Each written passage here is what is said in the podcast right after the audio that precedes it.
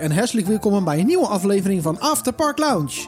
Mijn naam is Jafet en ik zit hier natuurlijk niet alleen. Ik zit hier met mijn fijne collega Marvin. Ja, daar zijn we weer. Nou, Nou, nou, nou, nou. nou, is dat lang geleden hoor.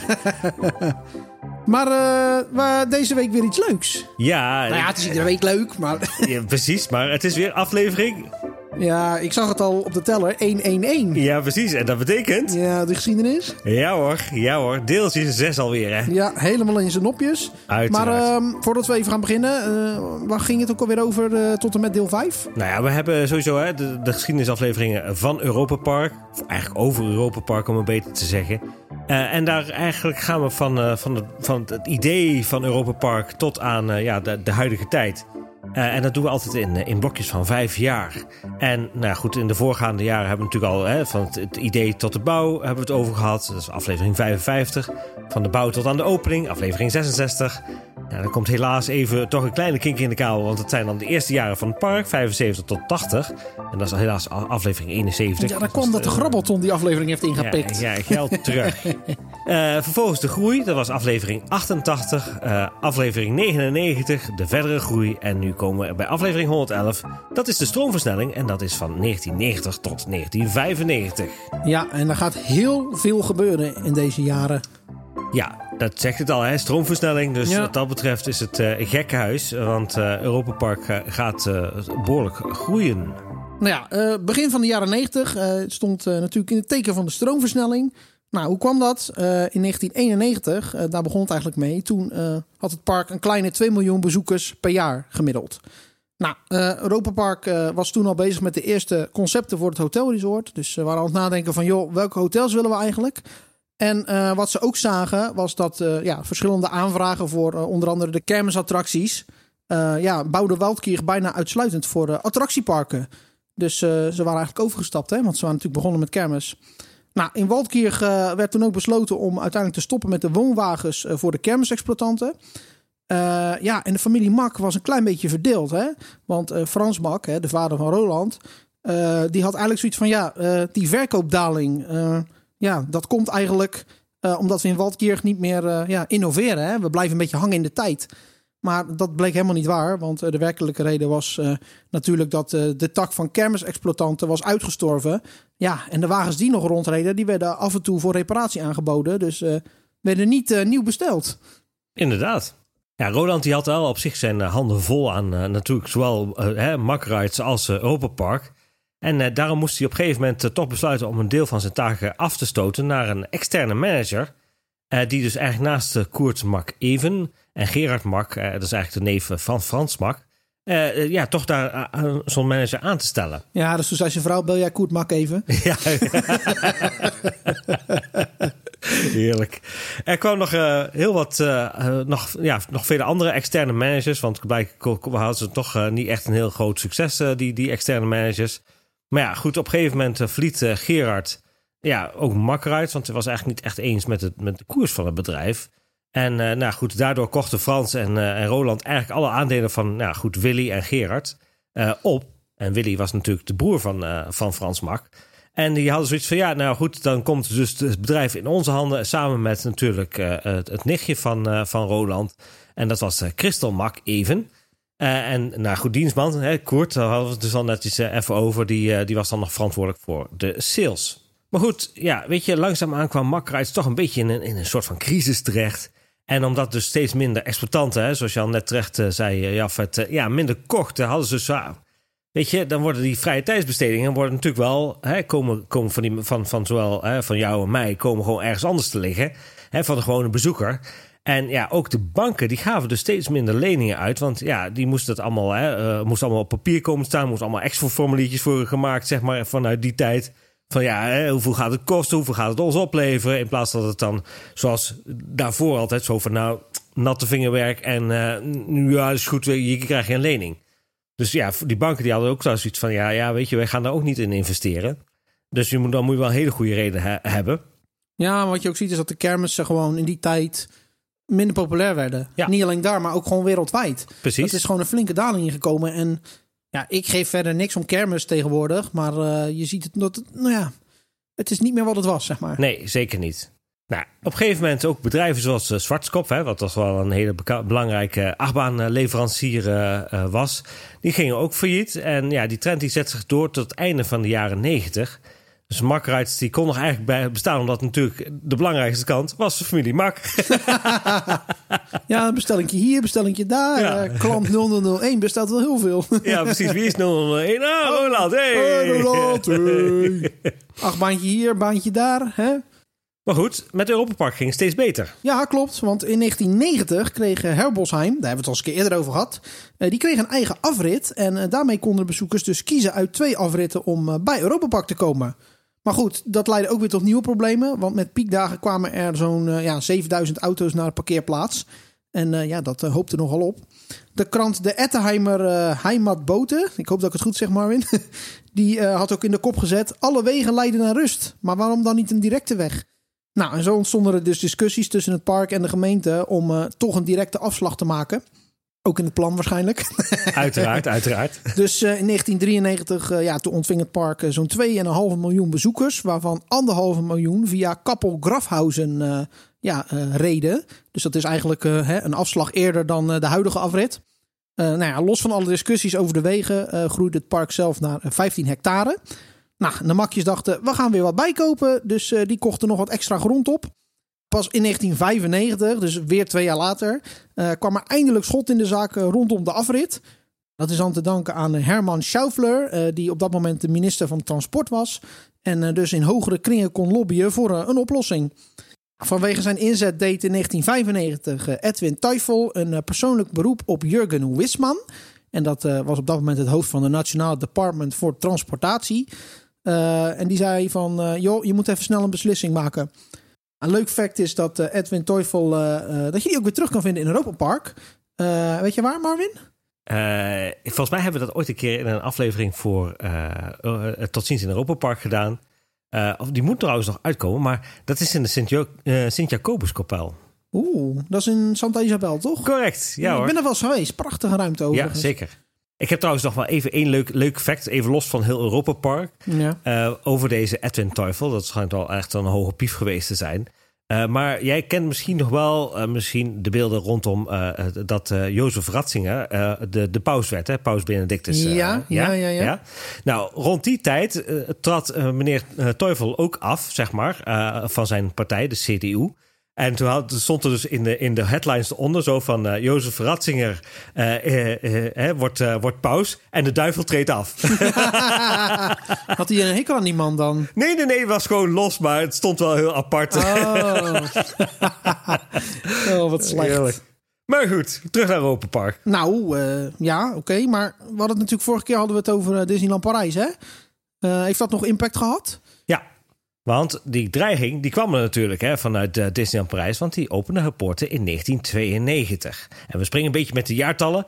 Uh, maar op een gegeven moment had uh, Europa Park zoiets van: ja, weet je, hè, ons voorbeeld, dat wordt nu al in één keer onze concurrent. Ja, dat, dat, dat mag dus niet. ja, ze waren ineens niet meer origineel met Piraten in Batavia en ja. uh, Geisteslos. En uh, oh, het is toch wel... Uh... Precies. Dus moet Europa Park een tegenaanval inzetten. En dus wordt ook het idee geboren om een, uh, ja, een hotel te gaan bouwen in de buurt van natuurlijk Europa Park. Uh, maar ja, de, de, makjes die vragen zichzelf af: ja, zijn wij nou onszelf niet een beetje aan het overbelasten? Want we hebben al het park, we hebben al natuurlijk makrides en moeten we ook nog eens een keer een hotelketen in gaan zetten. En ook de guesthouses rondom Europa Park, ja, ja, ja wat, wat die mensen gaan doen, is gewoon gek. Ik bedoel, hè? En wij hebben hier onze guesthouse. En dan gaat, gaat Europa Park even nog onze bezoekers uh, af, uh, afromen. Dat is natuurlijk niet de bedoeling. Dus, maar ja, goed, Roland had zoiets van... Ja, nou goed, weet je wat, ik neem die uh, waarschuwing wel serieus. De hele idee van ik bouw mijn eigen hotel, zet ik opzij. Dus ga ik een heleboel van die hotelmensen gewoon laten komen. Van een aantal grote hotelketens. En die ga ik allemaal stuk voor stuk eens even hè, mijn, mijn cijfers laten zien. Van nou, dit is Europa Park, hier willen we naartoe. Dit zijn de cijfertjes. En dan krijg je straks Formule 1 uh, eh, of uh, Van der Valk. Ja, Van der Valk. Ja, nee, maar ja. dat had er wel dus naast kunnen zitten. Maar goed, die, die managers die, ja, die, die zagen dat en die hadden dus ja, sorry hoor, maar uh, nee, hier hebben we geen trek in. Want Europa Park, hè, er is misschien een paar maanden, hè, dus dat wil zeggen van, nou, wat zal het zijn, maart tot en met toen nog die tijd, oktober, november. En dan is het klaar. En wat gaan we dan de rest ja, van de maanden doen? Dus het was echt een seizoensgebonden product. Maar de makjes die hadden ook nog een ander idee. En dat zegt van ja, maar we kunnen ook eventueel nog misschien een, een zakenhotel bouwen. Of in ieder geval conferenties houden voor de zakelijke markt. Maar ook dat viel niet in goede aarde. Dus de familie Mak, as usual, stond er weer helemaal alleen voor. En waar kennen we dat van? Natuurlijk van alle investeringen die ze Ja. toen destijds met. Europa Park voor het eerst moesten doen. En dat allemaal zelf financieren. Dus de, de, de geschiedenis die herhaalde zich een klein beetje. Laat maar raden, ze gingen het toch proberen. Ja, hoewel Frans Mak het eigenlijk niet zo zag zitten. Zo van, ja, we gaan een hotel bouwen. we Moeten, misschien moeten we dat niet doen. Dit en dat, zo, zo. Eh, had Roland het zoiets van, ja, dit moeten we wel om gewoon een volgende stap te maken. En eh, een van hun, ja, goed, een van, die, van de managers waar ze wel goed bevriend mee waren, die had ze al wel een tip gegeven van, joh, eh, hè, als ik dit even allemaal zo aanhoor, dit zouden jullie eigenlijk gewoon zelf moeten kunnen doen. Maar goed, laat het nou zo zijn dat ze in de Efteling net een hotel hadden gebouwd. Hè, natuurlijk het Efteling Hotel. Ja, dat ziet er nog steeds hetzelfde uit. Nou, uiteindelijk zijn dus eh, Frans Mak en Roland... die zijn dus richting Efteling ge- gegaan... om dat eens te inspecteren. En in die tijd was eh, Paul Beck nog ja, directeur van, van, van het park... En die heeft natuurlijk zelf ook een hotelachtergrond. Hè? Die heeft ook voor hotelketens gewerkt. Dus die hebben ze uitvoerig gesproken. En, om, en die heeft dus ook alle ins en outs eh, gedeeld. Van nou ja, hier moet je op letten, daar moet je op letten, zus moet je op letten, zo moet je op letten. En dat zorgde, er weer voor dat het team van Europa Park ja, hun hotels ging, of een hotel ging plannen. Nou ja, die eerste designs die waren van Ulrich Damrau, wat betreft eh, ja, goed, de façade, dus de, de, de ombouw, zullen we zeggen. En Rudy en Hanny Neumeijer ontwierpen de interieurs voor het hotel. En dat hotel werd dus El Andalus. Ja, daar hebben we het al eens eerder over gehad. Volgens mij was jij daar toen niet bij. Volgens mij hadden we toen een nieuwsaflevering met Sander en ik. En toen heeft eh Europa Park eens een keer een stukje gepost over eh, het ontstaan van de hotels. En volgens mij is dat hier ook langsgekomen toen. Klopt. Want die Rudy en die eh, Hanny Neumeijer, voornamelijk voor Rudy, die heeft ook voor al- alle andere hotels eh, het interieur gedaan. Dus ook voor Belrock en ook voor Colosseo. En Oh, oké. Ja. Ook Kronasar of dat niet? Kronasar weet ik even niet. Moet ik, zou ik even moeten nakijken. Maar volgens mij wel. Volgens mij heeft hij daar ook nog wel een hand in gehad. Nou, in ieder geval was het dus zo van eh, we gaan El Andalus bouwen en dat moet tot in de, kleinste details eh, ontworpen worden. Ehm, en ja, Rudy die heeft wel een beetje een neus om antieke zaken te vinden, zoals nou ja, goed, eh, die gaat vlooienmarkten af in Italië en Spanje. En als hij niet in zijn, in zijn, in zijn zeg maar in zijn, zijn warehouse zit voor, voor dit soort antieke zaken en interieurs aan het ontwerpen is, dan zit hij altijd wel op dat soort plekjes te, te struinen om gewoon van allerlei soorten curiositeiten ja, eh, binnen te halen. Ja, of even een lamp kopen in Marokko. Precies. Kan allemaal. Het kan allemaal. Dus hij had zoiets van, nou ja, goed, eh, dat wil ik er allemaal in gaan verwerken. Maar Damrau daarentegen, die was daar eigenlijk niet zo van gecharmeerd. Want die had zoiets van, ja, laten wij gewoon nou wel, wel in het thema van Spanje blijven. Maar laten we nou gewoon onze eigen dingen, nieuwe, on- nieuwe zaken ont- ontwerpen. Want ja, hè, zijn motto was toch wel een beetje van, ja, kopieer niet, bedenk iets nieuws. Maar goed, eh, Roland die was eigenlijk eh, daar niet echt mee eens met, eh met Damrau. En die had zoiets van, ja, voor de goede sfeer, om dat te creëren, heb je natuurlijk wel originele zaken nodig. Ja, zeker. Dat is alleen maar tof. Dus ook de tegeltjes die je ziet, die komen daar allemaal uit, eh, uit Spanje vandaan. Oh, allemaal gewoon echt originele tegels, aardewerk. Maar goed, de- de- de- ze hadden op een gegeven moment een leuk design, hè? Ja. Voor El Andalus. Klopt inderdaad, want El Andalus die, ja, was gepland om vier verdiepingen te hebben. Maar eh, Frans Mak is Frans Mak niet. Eh, die was er eigenlijk nog niet zo zeker van. Dus eh ja, eh, s'nachts was een beetje een gek verhaal. Maar s'nachts is, een keer, is hij uit bed gegaan in zijn pyjama. Sloopt hij naar de ontwerpafdeling. En toen heeft hij gauw de- met een gummetje zo de bovenste verdieping van het hotel afgegumd. Van het ontwerptekening van Ulrich, die daar op het bureau lag. Dus toen waren er ineens 100 kamers minder dan dat er gepland waren. Oeps. nou ja, Roland die was wel gespannen rondom dit project. Want die had zoiets van, ja, als dit zou gaan falen... dan eh, zou het een behoorlijke financiële strop zijn. Ja, plus dan ook nog eens een keer wat, wat imago-schade voor het park. En natuurlijk een flinke deuk voor zijn eigen ego, logisch. Ja, want dat, eh, dat is natuurlijk niet, eh, niet handig. Dus ja, hij had zoiets van, ja, het moet goed gaan. Dus ja, hij was daarom ook vaak te zien op de bouwplaats. Nou, vanaf 1993 eh, was het Dolfinarium, wat toen te vinden was op de plaats waar nu de Euromier staat, opgedoekt. En eh, hoe kwam dat nou? Nou, dat kwam omdat er veel dierenactivisten waren. Die, eh, ja, die waren tegen het Dolfinarium. Nou, vanaf 1993 was er dan ook eh, een aquashow. En dat had drie programma-onderdelen. Een, zeeuw, een zeeleeuwenshow, het waterballet en een trampoline-act. Nou ja, vanaf 1995 uh, sloot het Dolfinarium voor goed. En uh, ja, uh, werd er plaats gemaakt voor Euromier. Ja, dan had ik waarschijnlijk toch liever het Dolfinarium gehad hoor. Nou, Marvin, hoe durf je? Hoe durf je? Laten we even naar het jaaroverzicht gaan uh, van 1991 tot 1995. Ja, en dan beginnen we met 1991. En uh, dat was onder andere uh, ja, de Staafkerk gerealiseerd. Hè, die kennen we nog steeds. Die staat er ook nog steeds. Uh, toen kwam fjordrafting. Nou, dat is een attractie uh, die ook in stroomversnelling gebouwd werd. Precies, maar niet door Makka. Nee, nee, nee, dat werd gedaan door Intamin. Dus hetzelfde als uh, wat in de Efteling te vinden was. met een baanlengte van 525 meter. Een ritduur van een kleine 4,5 minuut. 30 boten, 6 mensen per boot. Wat dus uitkomt op een capaciteit van een kleine 1800 personen per uur. En sinds 2011 ja, zijn er waterbommen te vinden in plaats van waterpistolen. Ja, vraag dat maar eens even aan Sander. Ja, dat, dat, is, dat moet Sander in de volgende nieuwsaflevering maar eens een keer vertellen. En uh, was er nog de Baron Williams Mystery Hall. Ja, en daar weet ik dan wel. Want ik, ik heb hem nog gedaan uh, in 2005. Oh. Ja, dat was wel. Het was, het was niet heel veel, uh, zeg maar, qua, qua ding. Het was echt gewoon even een scène waar je langs liep. Het was in een gebouwtje, eigenlijk ter hoogte van uh, ik denk wat nu de, de Londen bus staat, zeg maar. De, de, die kant ongeveer op. Uh, en er was in eerste instantie natuurlijk een Casa Magnetica huis. Hè? Dus uh, zeg maar zo'n scheef huisje. Scheef huisje nummer 1. ja. En um, dat is dus, wat, dat, daar kwam dus, dus in één keer de Barons Williams Mystery Hall in. Um, tot aan 2007. En uh, dat was eigenlijk een, een, nou ja, goed, ja, één scène waar dan op een gegeven moment van iemand een hoofd afgehakt werd en dan was het, dan kon je weer doorlopen, zeg maar. maar die animatronics, die kun je nou weer tegenwoordig vinden in Geisterslos. Ja? Ja. Oh, waar? Nou, uh, je hebt natuurlijk hè, de voormalige zolder, hè, die ken je natuurlijk ja, wel. Ja, zeker, die ken ik. Daar heb je op een gegeven moment een man die uit de ton komt. Hè? Zo'n soort van jumpscare. Ja, maar die is redelijk recent. Ja, die is wat. Ja, maar goed, de, die, die, dat gezicht van hem, dat komt uit, uit de Barons Mystery uh, Williams Mystery Hall.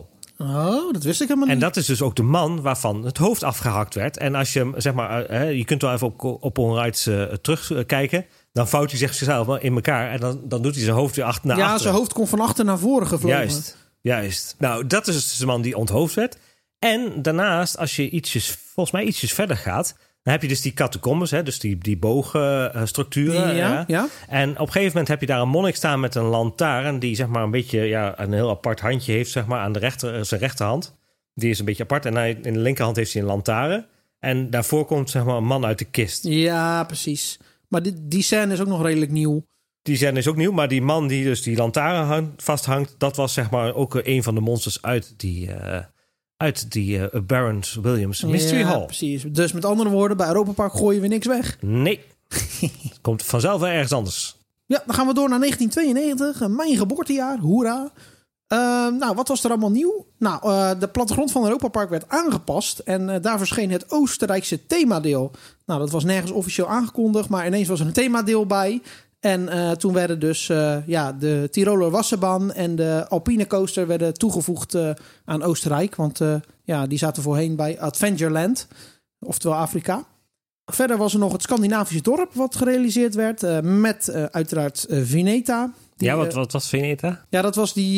ja, het is officieel een dark ride, toch? Of niet? Ja, In een is, van die het huisjes. Is, het is meer een tafereeltje. Dus je had zo'n enorme grote. Ik denk een, een Hofman, daar is hij weer.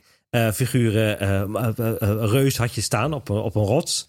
En ja. daar kon je zeg maar naar beneden kijken en via een glazen constructie. en dan zag je zeg maar het verzonken stad van Veneta, zeg maar een soort van land van Saftingen idee.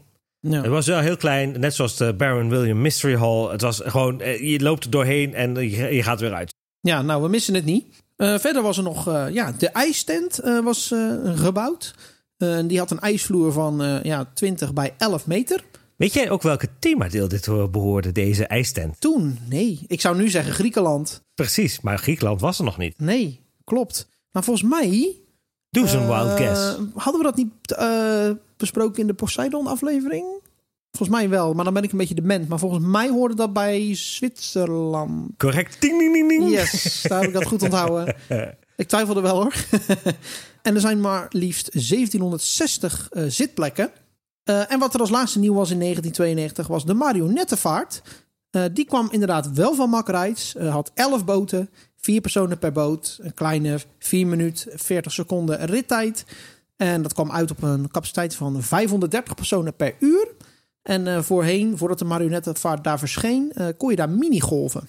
Nou, dan was het 1993 en eh, wat er toen verscheen was de Vint Jammer. Hè, dat is het kleine eh, schommelschipje.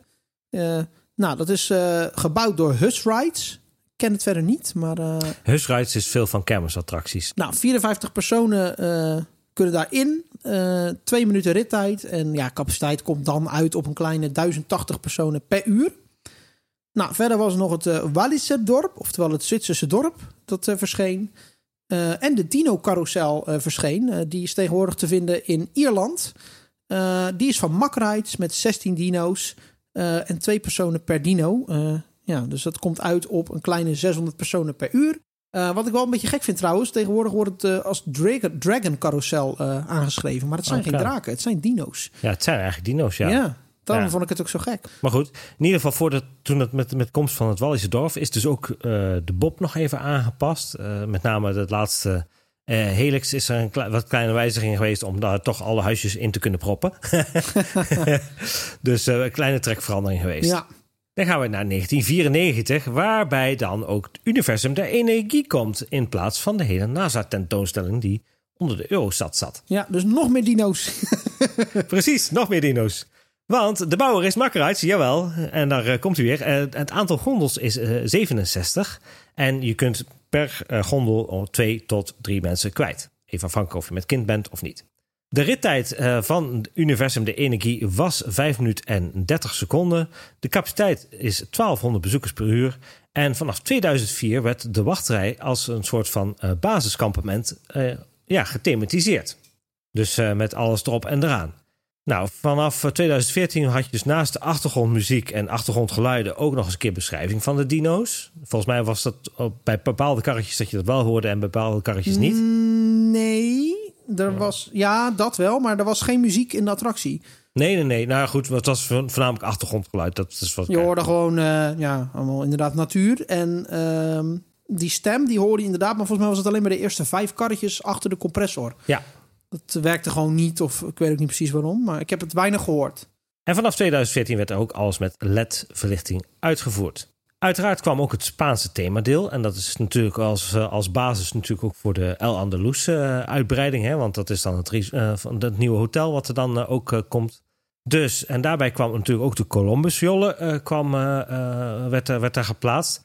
Daarvan is de bouwer is ook Makkerites. Eh het aantal gondels wat je daar had, of hebt is 20. Eh, twee personen per gondel. Rittijd is ongeveer anderhalve minuut. En vanaf 2015 is het natuurlijk helemaal opnieuw gethematiseerd. En hij, kun je dus ook de boot zelf draaien. Want dan kun je zelf bepalen of je vooruit of achteruit gaat. Ja, want Columbus staat ook buiten, toch? Voor die ingang. Ja. En dat was volgens mij... Ja, nee, ja, klopt inderdaad. En dat is zo'n pratende Columbus. Ja, van Hofman waarschijnlijk. Correct. Dan hebben we ook de Feria Swing die dus ook gebouwd werd. Eh, dat was ook de bouwer is uh. Ook daar weer 20 gondels. Twee eh, personen per gondel. Rittijd anderhalve minuut. Eh, capaciteit eh, 900 bezoekers per uur. En vanaf eh, 2016 is het helemaal opnieuw gethematiseerd. De Spaanse Arena is, eh, kwam ook eh, rond die tijd. En we hadden een kleine tijdelijke attractie in Zwitserland. Dat was de Wirbelwind. En dat was een soort van combinatie tussen... Ja, eh, enerzijds de breakdance en het tweede een soort van ja, feria swing...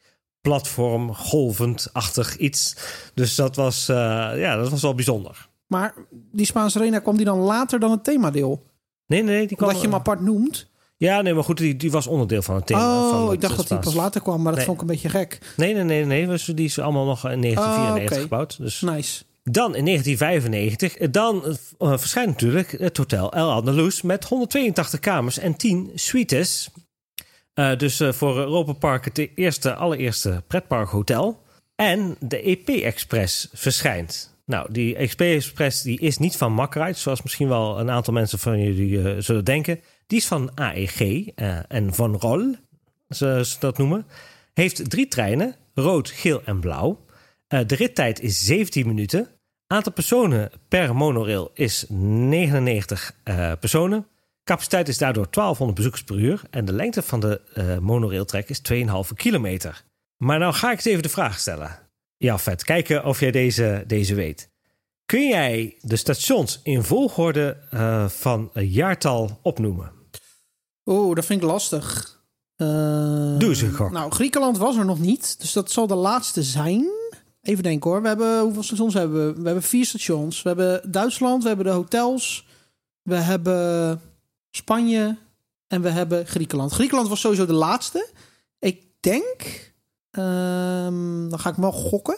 Ik denk dat de hotels, want uh, volgens mij zit het station ook best wel dicht bij Andalus, zit er letterlijk naast. Dus ik denk dat het gewoon begon met. Uh, ja, dat is een beetje raar eigenlijk. Maar ik denk dat het begon met Spanje en de hotels. En dat daarna Duitsland erbij is gekomen en daarna Griekenland. Het is niet helemaal goed. Oh. 1995 hadden we het, inderdaad het, uh, het Spaanse station. Die is als eerste gekomen. Dan kon je gewoon een rondje alleen? Ja. Oké. Vervolgens kwam Duitsland. Die kwam in 1996. Dus vlak, uh, vlak daarna. In 2001 kwam Griekenland als station bij Ah. met de Olympië. En in 2005 pas het hotelstation. Oh, dat wist ik helemaal niet. Het zou een hele vervelende pubfixvraag kunnen zijn. Nou, ik zeg niks. ik zeg niks. Vanaf 2013 kwamen ook de monitors. Uh, voordat je kon zien van goh, wanneer komt de volgende trein. En uh, overigens is wel een leuk fun fact dat deze monorail. Die was te zien in eerste instantie in uh, de wereldtentoonstelling van 1988 in Brisbane, Australië. Om vervolgens daarna doorverplaatst te worden naar de wereldtentoonstelling van Sevilla, 1992. En uh, als, als, je ooit eens bij El Andalus bent geweest, heb je ook een groot wit gebouw staan met, uh, met die Don Quixote en uh, zeg maar die, die beelden die daarin staan. Ja, hè? ja, ja. Nou, die komen ook vanuit deze wereldtentoonstelling van Sevilla. Die zijn dus mee overgekocht. Oh. Maar sowieso is dat merk van de EP Express is een internationaal merk, toch? Ja, ja, ja. Dat AEG is volgens mij gewoon wereldwijd ja, ja, ja. Is, te verkrijgen, als het ware. Ja. Dan hadden we ook nog de vliegsimulator. Oh ja, dat ding, ja. en, ja, precies. Dus die, uh, die kwam, waar nu de voetbalarena uh, is, daar hebben dus vliegsimulatoren gestaan. En het meer ruimtestation. En dat was de aanzet voor het Russische themadeel. En diende ook eigenlijk een beetje als overkapping voor de wachtrij van de Euromeer. Ja, maar dat was pas later, want je had natuurlijk eerst alleen het station, toch? Het ruimtestation. Ja, alleen het ruimtestation, ja. inderdaad. En was Sneevlokken er toen ook al? Nee, Sneevlokken was er nog niet, dus want het was, uh, dat is pas later. Bijzonder. Maar ja, goed, dus met de opening van het eerste hotel... Uh, ja, er volgen natuurlijk wel uh, andere afleveringen, maar ja... Ja. Ja, ik hoor het muziekje nu, dus... Oh, uh, ik, ik dacht, die gaat door. Nee, nee, nou, ik ben al getraind om dat muziekje, hè. Oh ja, dat is waar. Vorige keer had ik gezegd dat je moest stoppen als het muziekje begon. Dat heb jij goed gehoord dan. Ja, dus, hey. Nou, dan uh, ja, zijn we er een eentje doorheen. Precies. Nou gaan we niet wachten tot aflevering 222. Nee, dat doen we de luisteraars niet aan. 122 is de volgende geschiedenisaflevering. Ja, dus over 11 weken hebben we weer een nieuwe voor jullie. Precies. Um, ja, Marvin, als de luisteraars nou meer van ons willen weten, waar, waar kunnen ze dan terecht? Nou, dat kunnen sowieso uh, altijd op onze Facebook, uh, Twitter en Instagram kanalen onder de handle Afterpark Lounge. Dan kun je ons volgen. Je kunt daar ons ook uh, bereiken op die manier. En je kunt natuurlijk altijd een mailtje sturen naar apl.vijfzintuigen.nl. Uh, je kunt ons natuurlijk ook gewoon luisteren op de website vijfzintuigen.nl. En je kunt natuurlijk, uh, als je wil, uh, ook ons, ja, met ons discussiëren op, op Discord. Ja, dat klopt. Dat, die link daarvan is te vinden in, op ons Twitterkanaal in de gepinde tweet. maar je mag gewoon alle berichten sturen. Heb je vragen, suggesties, heb je ideeën voor afleveringen? Kom maar door. We staan voor alles open. Dus ja, dat horen we graag. Precies. Nou, dan was het weer leuk. Ja, zeker. Dus leuk. ik zou zeggen, uh, dankjewel. Het was weer gezellig. En uh, auf Wiedersehen. Tot ziens in Europa Park. Tot ziens in Europa Park en bedankt voor het luisteren.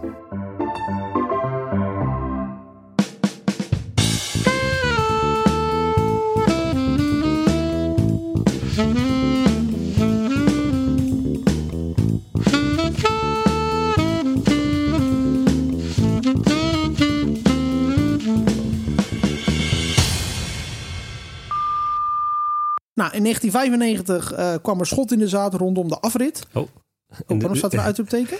Schot in de zaad. Zei ik zaad? Ja. Oeh, dat is een beetje raar. nou, vanwege zijn inzet uh, deed uh, in 1995 uh, Edwin Teuvel een persoonlijke oproep. Teufel. Teufel. nou, het leuke fact is dat Edwin Teu Tevel. Tevel. Tevel. Edwin Teufel. Teufel. Teufel. Ja.